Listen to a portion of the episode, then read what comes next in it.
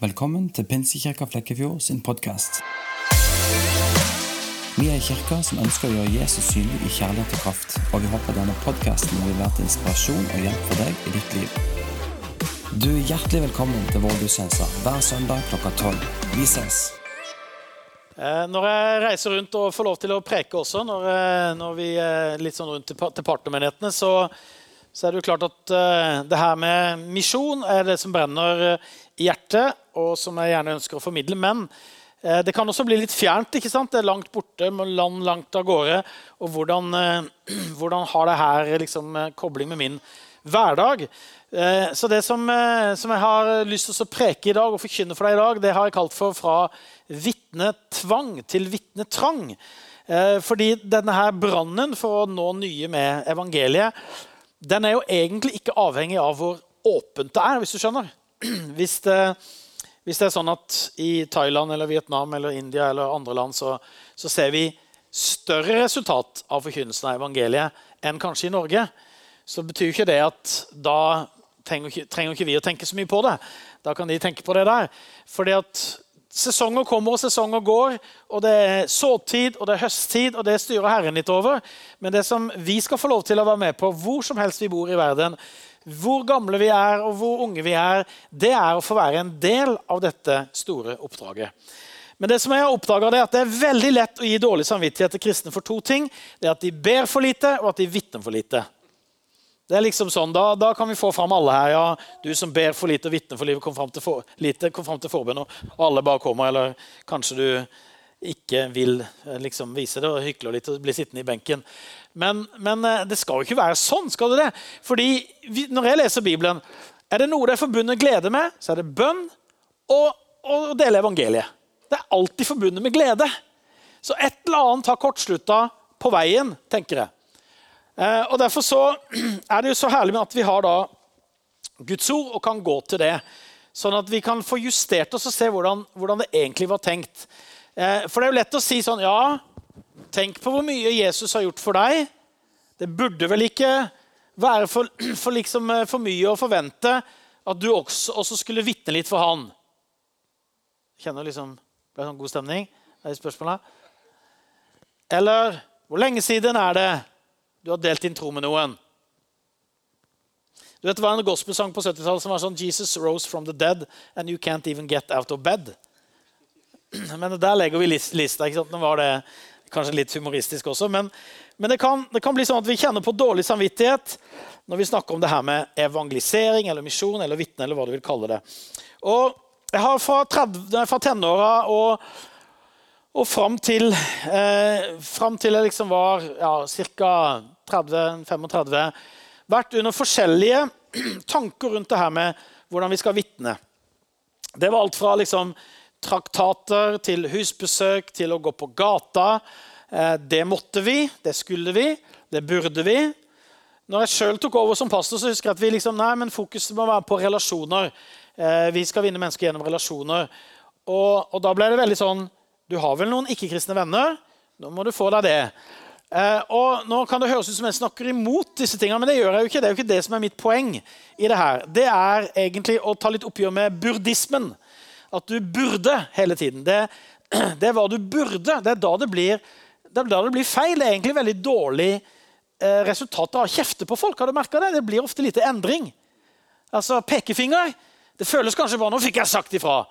Men hvis du vil ha endring, hvis du har frukt, hvis du vil se at det begynner å skje noe i menneskers liv, da funker ikke det. Og det, det kan vi se også når Bibelen underviser oss om disse tinga her.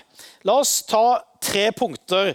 Eh, litt sånn Hva er eh, den bibelske vinklinga på dette med å nå ut og få oss til, hvis vi kan si det sånn, eller, eller skape i oss det som gjør at vi går fra vitnetvang til vitnetrang. Nå rimer jo det her, ikke sant? og det er jo litt av poenget. Eh, men jeg, min, mitt inntrykk er at det er litt sånn mer vitnelikegyldighet. da. Det er kanskje ikke så mye, mye vitnetvang lenger. Det er mer sånn ja, men det der får vi ikke til. Nå er dere faktisk et veldig godt uh, unntak vil jeg si, i Pinsekirka Flekkefjord. med det dere gjør gjennom Englevakten. Det er et veldig stor inspirasjon. Det er kjempebra at dere gjør det. Det, det inspirerer mange også uh, til å høre hva dere gjør. Tenker liksom, vi, vi, skal gjøre noe godt for byen. Superbra. Det, det er inspirerende. Men uh, samtidig så er det vel litt sånn i vår hverdag og på arbeidsplass og i, i nabolag liksom at Nei, det der får vi ikke helt til. Men jeg håper kanskje at det kan begynne å piple litt og, og, og noen sånne såkorn her av vitnetrang. At det vekkes en trang i hjertet ditt. Skal vi se om det, om, det, om det, kommer til å skje.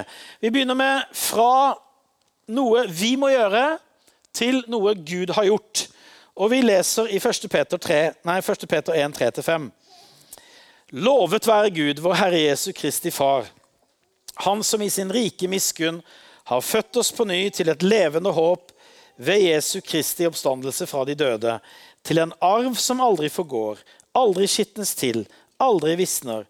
Den er gjemt i himmelen for dere, dere som i Guds kraft blir bevart ved tro, så dere når fram til frelsen. Den ligger alt ferdig til å bli åpenbart ved tidens ende. Så kan du lure på hva har dette med misjon å gjøre? Jo, det er sånn at All misjon må være fundamentert på hva Jesus har gjort for oss, siden det er misjonens budskap. Så misjon er ikke en metode. Misjon det er at det du selv har fått, og som fungerer i ditt liv, det blir automatisk Dette må komme videre. Men skal det komme videre, så må jo du eie det. Det må være levende for deg. Det må være noe som du selv tenker at nå skal vi ikke ut og rense verden her. liksom. Nå er det forferdelig verden. og jeg er kommet herfra. Men du selv tenker jeg trenger nåde hver dag. Og når du er avhengig av nåden, så er det mye lettere å dele den. Men du vet, Når vi leser inn vår måte å tenke gjerninger på, så kommer vi skjevt ut i forhold til evangeliet. For oss er det vanlig å tenke hvis jeg har hjulpet deg med å fikse i hagen eller måke snø, så må jo du hjelpe meg å male gjerdet.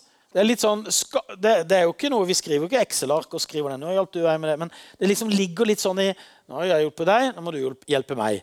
Det er litt sånn som vi tenker gjerninger. og det er klart Du går på jobb, du jobber og du forventer å få, få lønn. Det er jo sånn som på en måte samfunnet er bygd opp. Men, men hvis vi tra, drar med oss den måten å tenke gjerninger på inn i Bibelen, så kommer vi skeivt ut. Fordi at, Tenk, tenk om for du skulle redde meg fra å drukne. Så skulle jeg kjenne på en livslang takknemlighetsgjeld.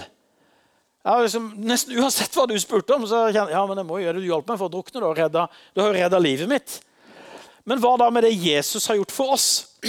Hvis vi overfører denne måten å tenke på, så blir det sånn som det er. Nå som Jesus har frelst deg, så burde det jo ikke være for mye å forvente at du i det minste vitner for han. Det er vel bare rett og rimelig.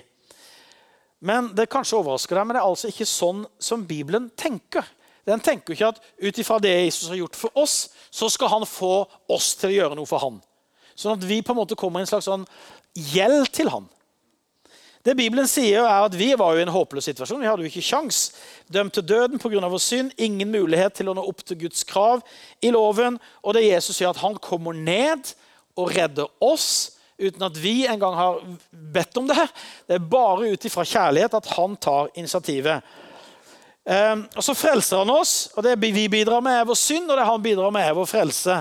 Og, og Det blir på en måte utrolig skeivt hvis du kan si det sånn, da, hva han har gjort, og hva vi har gjort. Um, men så er spørsmålet hva er det han frelser oss til? Frelser han oss til et liv i tilbakebetaling av gjeld? Til et liv der vi må og burde vise han respons og takknemlighet? Nei, vet du hvorfor det? Det er fordi at det finnes ingen gjeld igjen. Den er borte. Så når Jesus liksom tar bort vår syndegjeld, så erstatter han ikke den med en ny takknemlighetsgjeld. Og sier nå har jeg tatt bort den gjelda, men nå ser dere hva jeg har gjort, nå har dere gjeld til meg. Gjelden er betalt. 100% Det finnes ingen burde igjen. Det blir jo sånn som går til banken for å betale en gjeld som ikke fins. Du liksom ringer eh, eller chatter eller hva du gjør i dag og sier jeg vil betale min gjeld. Så sier de men det står her du har ingen gjeld. Jo, men det føles sånn. Vær så snill! Kan jeg ikke bare betale 500 kroner? Det føles bedre, liksom. Og Hvis vi bygger kristenlivet på det, så blir det jo på en måte et slit ut ifra gjerninger. At vi, nå har jeg vært en god kristen. Nå gir jeg 300 kroner i måneden til Tronsby. Nå må det være greit, vel. Altså, men da har vi liksom feil motivasjon, grunnlag. Og det er ikke sånn Bibelen har tenkt det. Eh, fordi tanken var at måten vi ble frelst på, skulle vi også leve som kristne.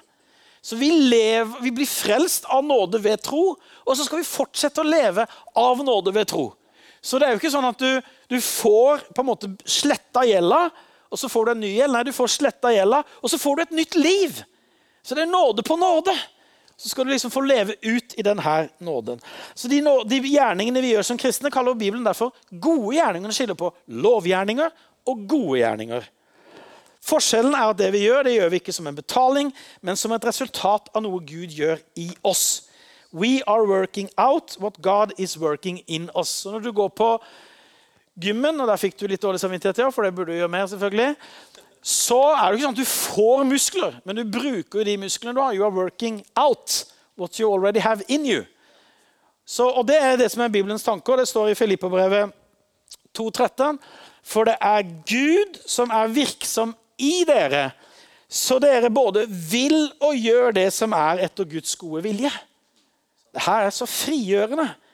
Gud virker i deg, sånn at du både vil, du som ikke vil så mye. Vet Du hva? Du kan slappe av med det. Du bør ikke ta deg sammen. Du kan la Gud få lov til å skape den viljen, den trangen, den lysten i deg. Sånn at du vil, og gjør også, det som er etter Guds gode vilje. Gud er med hele veien. Så jeg har gode nyheter til deg. Evangeliet er gode nyheter også for deg som er kristen. Er ikke det deilig? Så tenker jeg liksom det var gode nyheter for de som ikke er kristne, men nå nå sliter du, nå fikk vi tak i deg. Så nå er det liksom eh, avbetaling på takknemlighetsgjelda resten av livet. Nei, vet Du hva? Du må ikke vitne for Jesus. Du trenger ikke å få flere ikke-kristne venner eller gjøre noe som helst slags betaling for frelsen.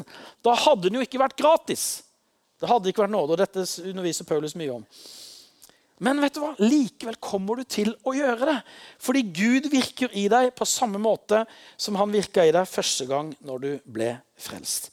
Så løsninga er altså aldri å forsøke å folk, folk, få folk til å bli mer kristne gjennom å gjøre disse og disse gjerningene, men gjennom å gi dem mer av Kristus. Forkynne Kristus.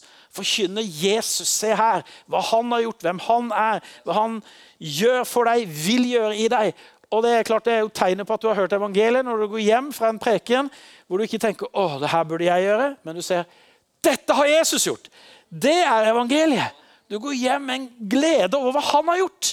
Og det han har gjort, virker fortsatt. Det virka ikke bare fram til du ble frelst, og så var det din greie. liksom. Nei, det virker hele tiden. Det virker fortsatt. Gud er fornøyd med det Jesus gjorde, så han er fornøyd når du tror at det Jesus gjorde, kommer til å rekke hele veien hjem. Og Det var det som var i disse versene. Nå glemte jeg nesten å kommentere det jeg leste, men jeg ble så ivrig her. Men det var det som sto i 1. Peter 1, 3-5. Der står det liksom at alt, du finner ikke deg selv i de versene. Du finner bare hva Gud har gjort. Helt til himmelen, faktisk. Så er han med. Er ikke vi med i det hele tatt? Absolutt, men det hviler ikke på det. Det hviler på det han har gjort. Og så er du inkludert i hans plan. Men må jeg ikke vitne? tenker du liksom? Jeg, hva hender hvis jeg ikke gjør det? Mister jeg frelsen? Blir jeg spedalsk?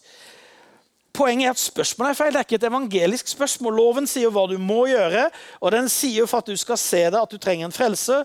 Og evangeliet forkynner hva Jesus har gjort, og evangeliet forkynner også hva Jesus fortsetter å gjøre i de, tro, i de, i de som tror på ham. Så Derfor blir spørsmålet her, må jeg ikke. Spør heller hva skjer nå som jeg har blitt frelst. Jo, det skal jeg fortelle deg. Gud fortsetter å virke i deg. Og Når du får rydda unna disse krav og burde, så begynner, det, begynner du å piple fram det nye livet. Ja, men Går ikke verden under og, liksom, og Flekkefjord under og fortapt om ikke jeg vitner? Takk for spørsmålene. Det leder meg til punkt nummer to. Fra vårt ansvar til Guds ansvar. Tar meg litt vann, og så bare nyter vi det her hittil. I Det gamle testamentet så er det veldig lett å se hvordan Gud handler i historien for å ta seg av israelsfolket og redde de ut og føre de inn i et nytt land. Og det er ikke sånn at vi tenker å, hvilken fantastisk bra jobb de gjorde. altså israelsfolket. De er å, wow. De er fantastiske helter. Altså, de er jo og Beklager å si det, de er akkurat som oss. De svikter. ikke sant? De tviler de holder på. Det er én stor helt i Gamle testamentet, og han heter Gud. Det er han som er den store. Det er han som fikk det til. Det er han vi må takke for at Jesus ble født. Det er han vi må takke for at israelsfolket finnes til, at de kom ut av eh, Egypten og inn i løfteslandet, og profetene hadde profetert. Og de svikta, men Gud sto bak. Så vi må si Gud, takk og lov at du tok ansvaret, og at du sørga for at Jesus kom. Det kan ingen menneske ta ære for. Men så er det litt sånn rart at vi tenker at Gud har forandra seg litt i Nytestamentet. Hvis det var hans ansvar å redde verden fram til da, så har vi begynt å liksom snike seg inn. Nå er det vårt ansvar. Nå hviler det på våre skuldre. Jeg vet jeg kanskje kaster litt stein i glasshus, eller hva det heter, det var riktig uttrykk, men når du jobber i en misjonsorganisasjon liksom, og begynner å stille spørsmål, så er det egentlig vårt ansvar. Og igjen så snakker jeg i dag om hva som kommer først. For selvfølgelig har vi et medansvar, men det er hvor det skal hvile. Hvor tyngdepunktet hviler. Og Derfor må vi se i Nytestamentet hva det står om misjon. La oss lese misjonsbefalingen i lys av at Gud har ansvar. Matteus 28, 18-20. Den heter jo Misjonsbefalingen. Det står ikke i Bibelen at den heter det. Det er vi som har funnet på. Så det er jo en befaling. Men er det egentlig det? Matteus 28 sier 1820, Da trådte Jesus fram og talte til dem. Jeg har fått all makt i himmelen og på jorden. Gå derfor, gjør alle folkeslag til disipler. Døp dem til Faderen og Sønnen og Den hellige ånds navn. Og lær dem å holde alt det jeg har befalt dere, og se, jeg er med dere alle dager inn til verdens ende. Altså, Dette er jo en misjonsproklamasjon. Fordi det er den oppstandende Jesus Kristus som snakker til sine disipler. Og hvordan begynner det? Gå ut i hele verden og gjør disipler, sånn at jeg kan få mer makt på jorden. Det står ikke det. Følger du med, da? Men det er det vi tenker. Oi, se på Europa, da. Det er jo avkristning, og vi må jo ta ansvar her. Det er vårt ansvar. Hvordan skal dette gå? liksom? Gud, hva holder du på med? Forstår du ingenting? Det, her, det blir jo litt flaut for deg, dette her. Så liksom vi må redde prosjektet. Vi må ut og gi Gud mer makt. og Derfor kanskje vi tenker ja, men da er det politikken som er svaret. Eller da er det mer penger som er svaret. Eller at kjendisene må ut. liksom. På en eller annen måte. Vi tenker det, det andre måter som da Gud må få mer makt på. Det betyr ikke at det er mot at kjendiser blir frelst, eller at det er mot å engasjere seg i politikk. Men vi må forstå at Matteus 28, 18-20 gjelder fortsatt i dag. Hva står det der? Meg er gitt all makt i himmelen og på jorden. Gå derfor ut. Hvorfor? Derfor at han allerede har all makt. Gud er Gud om alle mann var døde. Gud er Gud om alle land lå øde. Gud er Gud. Han har all makt i himmelen og på jorden. Og i det så hviler vårt oppdrag. Vi går ut dette er en sandwich av Guds ansvar. For det begynner med at Gud har all makt, og så er vi med der i midten. Vi skal gjøre et jobb, og så slutter det med og jeg er med dere alle dager inn til verdens ende. Det er En sånn deilig sandwich hvor du kan få lov til å være en misjonær, en evangelist, men det hviler på Guds ansvar, Guds allmakt. Så det begynner med Gud, og han har fortsatt ansvaret. Så det var ikke sånn at på pinsedag så tok vi over ansvaret. Nei, På pinsedag, hva skjer da?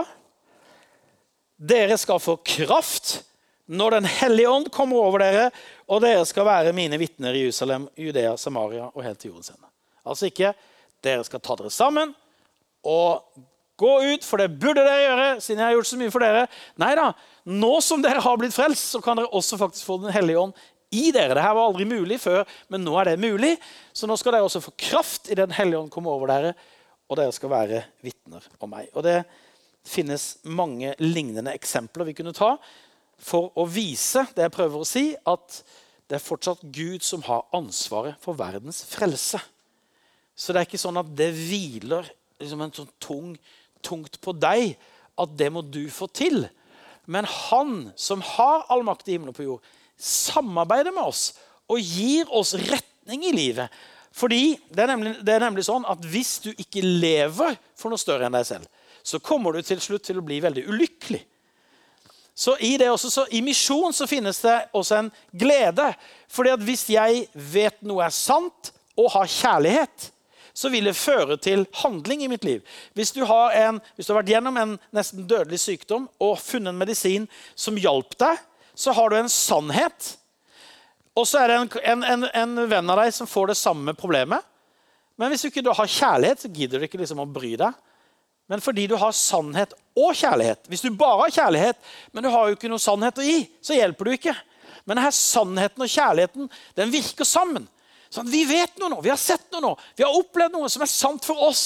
Og så har Gud fylt oss med en kjærlighet som gjør at vi vil være med på dette her. Gud, du har ansvaret, men takk og lov at vi får være med. Det gir mitt liv mening.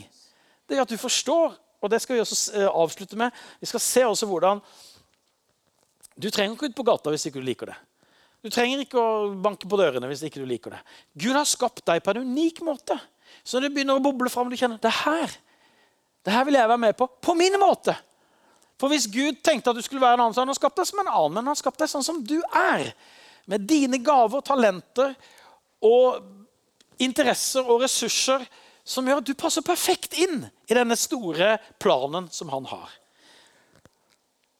Og Da skal vi avslutte med 'fra noen å vitne for til en å vitne om'. Og Det handler selvsagt ikke om at vi ikke skal dele evangeliet med andre, men det handler igjen om å få på plass hva som kommer først. Og Vi leser om en som måtte få det her på plass for at han skulle bli en misjonær. Han heter Thomas, og han var en av Jesu disipler. Og Det står sånn her i Johannes 20, 24-29. Thomas, en av de tolv, han som ble kalt Tvillingen, var ikke sammen med de andre disiplene da Jesus kom. Vi har sett Herren, sa de til ham. Men han sa, dersom jeg ikke får se naglemerkene i hendene hans og får legge fingeren i dem og stikke hånden i siden hans, kan jeg ikke tro. Åtte dager senere var disiplene igjen samlet, og Thomas var sammen med dem. Da kom Jesus mens dørene var lukket. Han sto midt iblant dem og sa, 'Fred være med dere.' Så sier han til Thomas, 'Kom med fingeren din. Se, her er hendene mine. Kom med hånden og stikk den i siden min.' Og vær ikke vantro, men troende. 'Min Herre og min Gud', sa Thomas.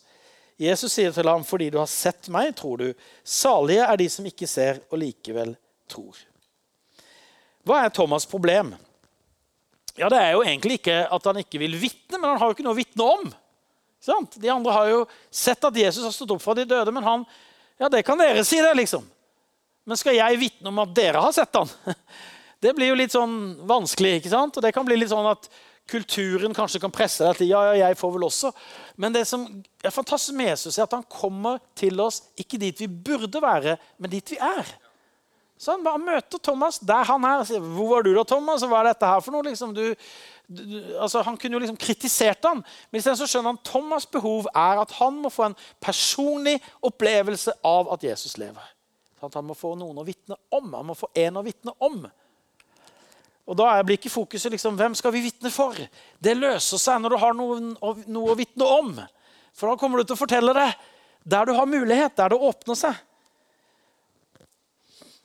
Thomas han kjempa med tvil, og kanskje kjemper du med tvil. og Da er det viktig å forstå at det er forskjell på tvil og vantro. Tvil er et uttrykk for lengsel, men vantro er et uttrykk for stolthet. Tvil er å se etter lys, men vantro er å være fornøyd med mørket. Tvil er å stille spørsmål for å få svar, men vantro er å stille spørsmål for å få rett.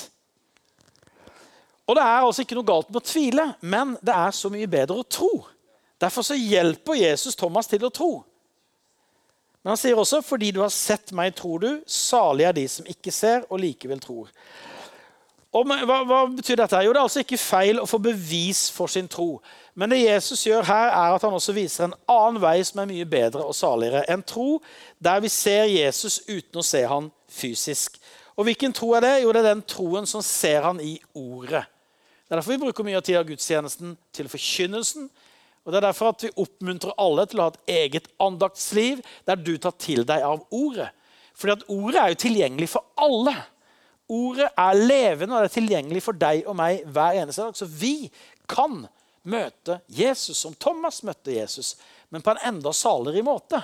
Fordi det blir ikke knytta til en som er fysisk til stede i tid og rom, men det blir knytta til at han som er overalt, kan møte deg der du er.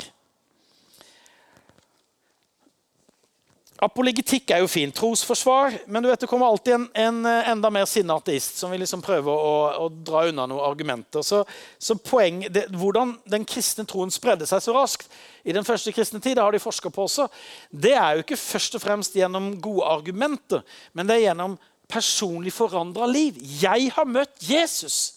Og så fortaltes det i familiene, i oikoset, og så spredde det seg videre til et nytt oikos, et nytt oikos, og sånn så spredde troen seg i relasjoner fordi mennesker hadde fått sitt liv forvandla av Jesus. Så det var ikke en metode, en kjempebra strategi. Eller det kan du si det var, det er den beste strategien som fins. Det er at du og jeg får møte Jesus og ikke kan la være å fortelle om han. Du vet, Folk prater om det de er grepet av. Jeg sjøl har jo eh, begynt å like kaffe i i voksen alder. vil jeg si, for Jeg har en uh, søster og en svoger som driver kaffebar i Sandnes. Den heter Coffeeberry. Legger alltid inn litt reklame for den. så hvis du er i Sandnes, må du stikke innom der. Og det er klart at når, når eh, de kom hjem med eget utstyr og vekt og kvern og Du følte litt hva er det her for noe? Er ikke vår kaffe bra nok? Nei, tydeligvis var den ikke det. Og så var det liksom, og her har vi bønner fra Guatemala, og her er det riktig temperatur på vannet. Og så sa, så sa svogeren min smak på dette her, Kai, for jeg likte ikke kaffe. Så smakte den. Det der er jo ikke kaffe. Det der er jo godt. Hvor han liksom, han skjønte jo at han hadde fått full pott på å selge kaffe til meg. Men da, da, da, da skjønte jeg bare at her er jo eh, her, her, har jeg liksom vært utsatt for noe som noen har sagt at det er kaffe, som ikke er det. Det er litt sånn som når du får lovisk kristendom, og så møter du evangeliet. Så forstår du at oi, det her er noe helt annet. Men, men hva er poenget mitt? Jeg kan snakke med deg i en halvtime om kaffe. Og om liksom, hvordan, ja, men du skjønner jo det, det må ha Bønnene må jo være ferske, og bla, bla, bla. Og, så videre. og etterpå så er det ikke sånn føler, å, det her var tungt. altså. Åh, det var så tungt å snakke om kaffe. Nei, men det er noe, det som brenner i meg på en eller annen måte. da. Og jeg skjønner at Det kommer nok aldri til å bli min hovedvisjon i livet, men det er gøy å snakke om. For jeg har opplevd det sjøl. Jeg har opplevd forskjellen. Og det er sånn Jesus også virker i oss. Det er, sånn vil, det, det er jo ikke sånn at Hvis du kjenner at ja, det er ikke så mye uh, vitnetrang i meg, egentlig, ja, så hjelper det ikke å kjefte på deg. Det hjelper liksom ikke å liksom gi deg dårlig samvittighet. Det eneste som hjelper, er at du får møte Jesus på nytt igjen og på nytt igjen og på nytt igjen. Og Det, her, det er søndagsskolenivå på det. altså. Det er Jesus som er svaret igjen og igjen og igjen. Vi må på nytt og på nytt få møte han, sånn at vi har noe å vitne om. Og Da skal jeg avslutte med det som jeg var litt inne på. Fordi det, det merkelige er jeg har sett på mitt eget liv da, at selv om jeg ikke er bra på verken traktatevangelisering eller vennskapsevangelisering Jeg er litt introvert av meg, så jeg liker meg egentlig best alene. Eh, ja, jeg overdriver litt. Men, men altså, jeg bare merker at de tinga der de blir litt sånn der burde for meg. De blir litt sånn plikt for meg. Og så betyr jo ikke det at jeg ikke kan eh, vitne for noen på gata. hvis det skulle være, altså, Du forstår det. Jeg prøver å sette det litt på spissen. Men poenget mitt det er at jeg oppdaga at mine gaver For eksempel eh, så lagde jeg en DVD eh, sammen med Novemberfilm, faktisk, som lager mye for, NRK og TV 2. En venn av meg driver det. Så lagde vi en DVD som het 'Jesus for folk flest'. Som eh, ble spredd rundt forbi, som ble lagt ut på YouTube. Som, driv, som ble sett av mange konfirmasjonsarbeider og ungdomsarbeider. Og vi hadde et kurs når jeg var pastor i menigheten, og vi så mange mennesker komme til tro. Og så lagde jeg noe som, eh, som var et ungdomsalfa, hvor vi hadde 100 deltakere. og mange ungdommer kom til tro. Og så ser jeg det at mine gaver til å på en måte nå ut med evangeliet på den måten Der var det aldri hva skal jeg kalle det, følelse av byrde. Det var bare gøy. Det var bare sånn, ja, men det her er jo mine gaver. Jeg liker liksom å å ta Guds sannheter og kommunisere det inn i vår tid og gjøre de tilgjengelig for dagens mennesker. Og det er gøy! Jeg bruker gavene mine. skjønner du? Og så er det andre som tenker det kan du aldri ha gjort. Nei, for du har ikke de gavene, du har andre gaver. Og noen elsker jo på en måte å holde på med eh, liksom, Være gjestfrie, stelle i stand hjemme. Holde seg egentlig litt tilbaketrukket, ikke være så frimodige. Men de kjenner, de brenner, for de er en del av noe. De er en del av å vinne mennesker. Sikkert på, på Englevakten så finnes det veldig mange forskjellige tjenester. Finnes, man trenger hjelp til administrative ting, man trenger hjelp til praktiske ting. Det er ikke alle som, eh, som, kanskje er de som tar kontakt med mennesker og snakker med dem. Men vi er jo et team, og Gud har skapt deg med gaver. Så det er ikke sånn at han liksom Å, så ble du sånn, ja. Jeg skulle ønske at du heller ble sånn som han andre som er så mye mer frimodig. Nei! Det er vi som holder på å lage sånne ting. Gud er veldig, han synes det er perfekt at du ble akkurat sånn som du er. Og han vil at du skal bli grepet av denne trangen. Han vil at du skal, skal se at det begynner hos han, dette her. Det er han som har ansvaret, og at Jesus må bli levende for deg. Og så på en måte kommer det ut gjennom deg. Gjennom dine gaver og talenter og ressurser. Og der er det forskjellig. Har du små barn, så, du, så, så kanskje du har en veldig åpning inn til andre familier som har små barn akkurat nå. Det, det, så jo vi når vi hadde små barn. Da var det jo kjempelett å få kontakt. Så tenk sånn at det er muligheter med det Gud har gitt deg, og ikke det du ikke har, men med det du har fått av Han. Du må altså ikke, du burde altså ikke, men det kommer til å skje når vi blir opptatt av den oppstandende Jesus, sånn at han får virke i vårt liv med kraft og glede. Og jeg tror at Det finnes noe kollektivt vi skal gjøre som menighet, der vi ser at vi er et team, og så finnes det en livsstil vi skal leve i hverdagen. Der Gud trener oss og hjelper oss til å se muligheter og åpne dører der vi kan fordele evangeliet. Men jeg La meg avslutte med å be. Jeg har lyst til å be for deg som kjenner det at vet du hva, du begynner å det begynte å boble litt i dag. Å, det litt av tvangen og litt av likegyldigheten forsvinner litt. Og så merker du at ja, men, du ser deg selv i det plutselig. Du ser at du er en del av dette her. Dette er jo noe for deg også. Det er ikke for de spesialiserte eller litt merkelige eller de som altså, er sånn superfrimodig personlighet. Det er for oss alle å være en del av dette oppdraget. Takk, himmelske Far, for at du har ansvaret for at frelsen kommer fra deg for at det her nye livet som du har gitt oss, det virker også nå. Evangeliet er gode nyheter også i dag, Herre. Vi skal få leve i det, vi som tror på deg. Vi får drikke av det, ha det som kilde. Så ser du de som, som sitter her i dag, som kjenner at uh, noe har skjedd, Herre. Noe positivt har skjedd i hjertet, Herre. Gjennom at ditt ord forkynnes så bare ber jeg her om at de skal få lov til å forfølge det her. Forfølge tanker, kreative tanker, glede. En drøm om å få være med her på forskjellige måter med de gavene som du har gitt dem. Jeg bare velsigner denne menigheten. her. Ber at den skal bli fordobla, Herre. Herre, I din tid her og på din måte, men jeg bare ber om at alle skal få se at vi er en del av dette. her. Vi er et team som står sammen om å nå ut med de gode nyhetene. Noen er i frontlinja, noen er lenger bak, men vi er alle med på vår måte. Fordi vi har sett den oppstandende Jesus, og vi elsker han, og vi vil gi han videre. I Jesu navn. Amen. Amen.